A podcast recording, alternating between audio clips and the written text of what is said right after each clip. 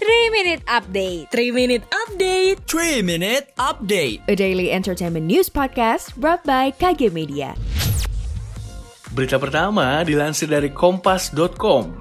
Gaga Muhammad membacakan pledoi atas kecelakaan lalu lintas pada 10 Januari 2022. Dalam pledoi itu, Gaga mengaku lalai telah menyebabkan kecelakaan itu. Tapi Gaga juga sebutkan bila kejadian yang menimpa mendiang Laura Anna disebabkan oleh kesalahan Laura sendiri. Gaga mengaku udah mengingatkan Laura mengenakan sabuk pengaman tapi Laura tetap lalai untuk memakainya. Gaga juga mengaku bingung bagaimana bisa membantu proses penyembuhan Laura setelah kecelakaan. Sebelumnya, Gaga Muhammad sudah dijatuhi tuntutan 4,5 tahun penjara. Pengen gak sih nambah wawasan yang enggak diajarin di sekolah?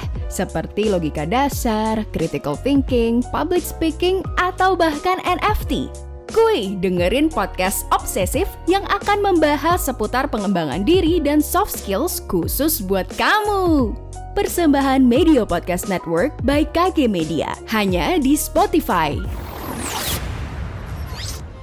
Kita beralih ke berita selanjutnya. Dilansir dari high.grid.id, film aksi romansa Scott Pilgrim vs. The World akan dibuat versi serial animasinya loh. Pencipta karakter Scott Pilgrim, Brian Lee O'Malley cerita kalau Scott Pilgrim bakal muncul versi serial anime di Netflix. Brian juga bakal berperan sebagai eksekutif produser dalam proyek serial ini. Kreator film Scott Pilgrim, Edgar Wright, udah pernah memberikan bocoran soal proyek serial animasi ini. Tapi Edgar belum memastikan seperti apa bentuk serial dari kisah romansa fantasi ini. Scott Pilgrim bercerita tentang seorang remaja laki-laki yang melawan dunia demi kekasihnya. Dan yang terakhir dilansir dari kompas.id.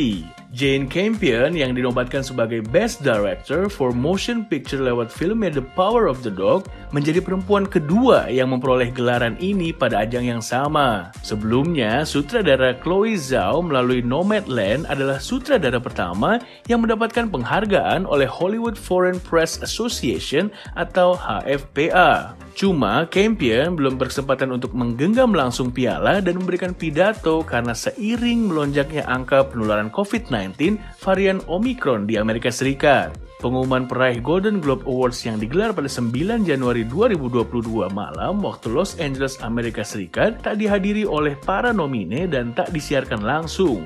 Demikian 3 Minute Update hari ini. Saya Jody Gusta pamit. Sampai jumpa. Jangan lupa dengarkan update terbaru lainnya. Sekian update malam ini. Sampai ketemu di 3 Minute Update selanjutnya.